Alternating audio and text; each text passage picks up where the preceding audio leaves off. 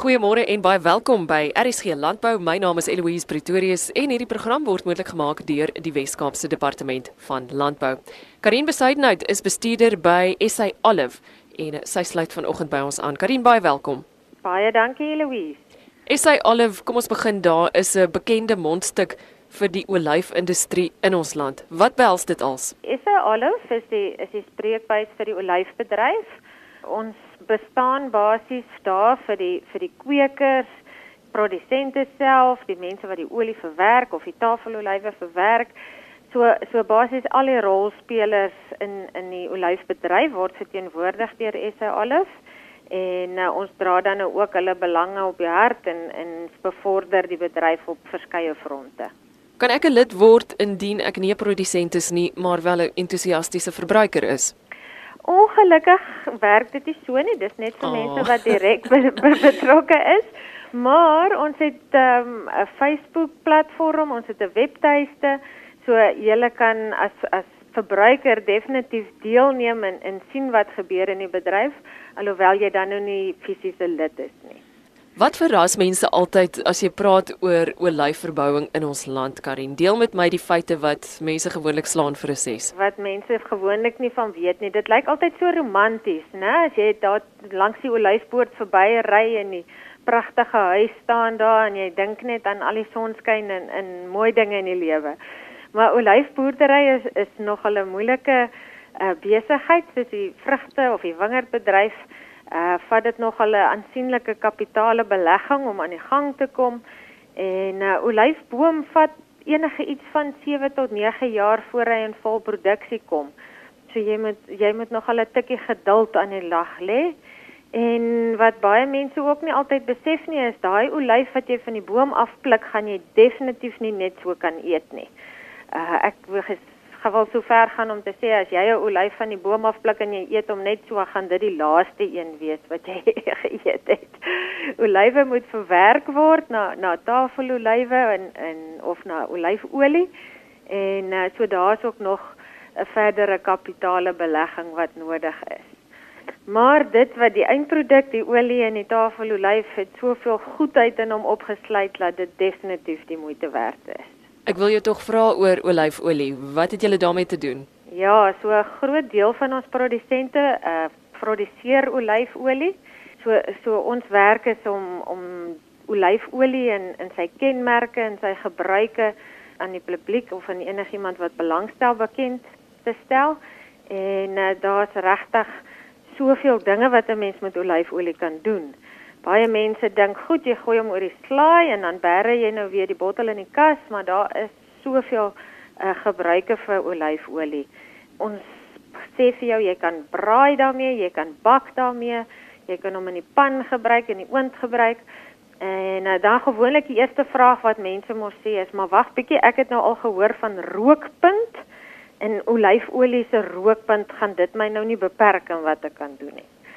En uh olyfolie is 'n is 'n nie verfynde olie nie. Dis 'n dis net die olyf self wat daar in die bottel is.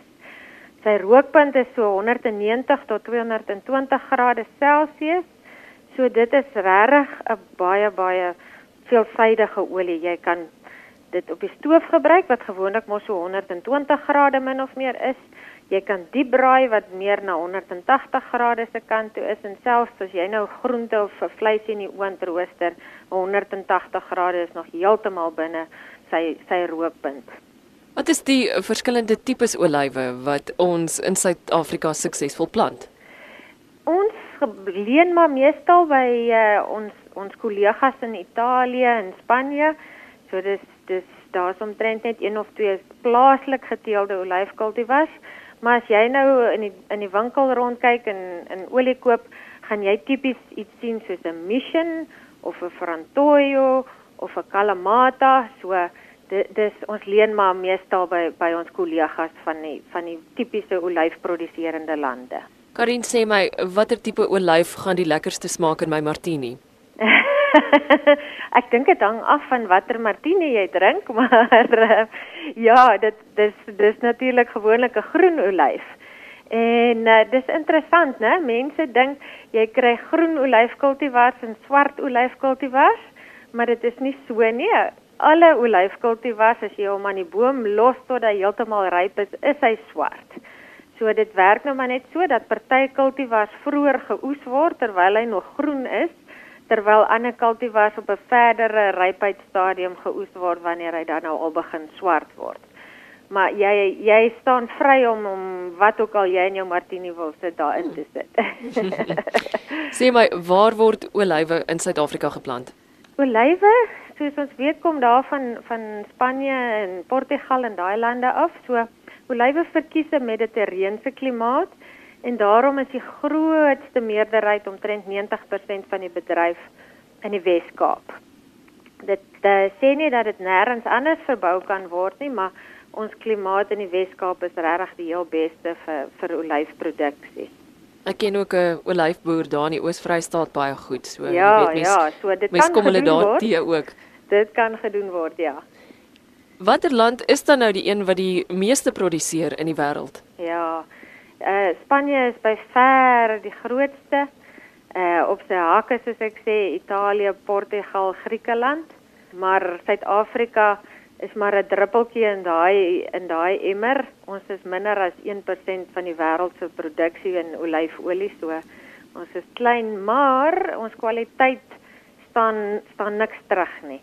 Uh, ons produsente neem van tyd tot tyd deel aan internasionale kompetisies vir vir ekstra suiwer olyfolie en ons stap gereeld weg met die laure so ons ons produksie is miskien nie in volume daar nie maar definitief in kwaliteit. Karin, wat is van die uitdagings in die olyfbedryf op hierdie stadium? Van die uitdagings is maar die droogte seker die grootste een. Uh olyfboom ja, hy aard goed in 'n droë klimaat, maar uh, hy het maar water nodig op sekere sekere tye in die ontwikkeling van die vrug. So ek sou sê die droogte is 'n uitdaging. Maar interessant omdat dit 'n uh, olieproduk is, omdat die vrug baie olie bevat, vind ons in die droogte jare dat uh, die olie 'n baie sterker aroma en geur het. So alhoewel die olie dalk minder is, is is dit interessant hoe die droogte die kwaliteit affekteer. En dis net een van vele suksesstories in die olyfbedryf in ons land, nie waar nie? Yes, yes, yes. Uh die bedryf se sukses is maar klein in vergelyking met die res van die wêreld, maar ons is besig om te groei. En ehm um, ek dink die gesondheidsvoordele van die produk gaan maak dat ons in die toekoms net nog groter gaan word.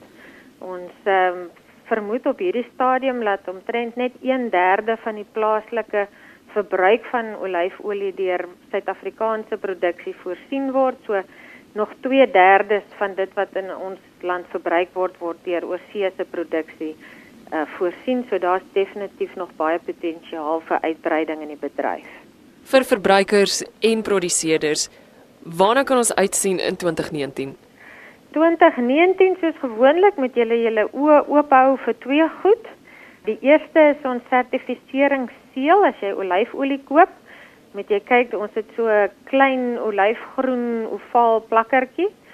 So as die olie aan die standaard vir ekstra suiwer voldoen en die produsent sê hy hy stem in, hy produseer volgens SA Olive se standaarde, dan um, word daar so 'n groen plakkertjie op die olie geplak en dan weet jy dit wat jy koop is presies of dit wat op die etiket staan is presies dit wat jy koop. So dis die eerste ding waarvoor jy moet uitkyk. Die tweede ding is ons hou elke jaar ons plaaslike olyfolie kompetisie in Augustus maand en uh, so daar kan jy ook gerus uitkyk om te sien watse plase en watse olies uh, stap met die laure weg.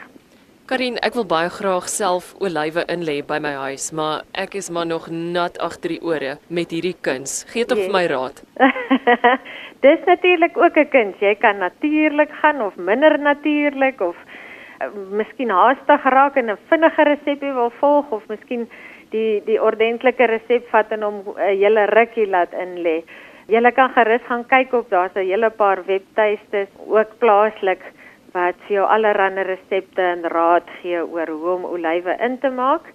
Uh die beste is natuurlik om maar 'n so bietjie geduld te gebruik. En waar kry ek julle in die hande? Ons webtuiste is uh, www.saolive vir Suid-Afrika olyf.co.za, so julle kan ons daar soek Ons het ook soos ek gesê het 'n Facebookblad, so al of se Facebookblad kan besoek word en as jy vir ons self wil kom kuier, natuurlik is ons kantoor in die Parel.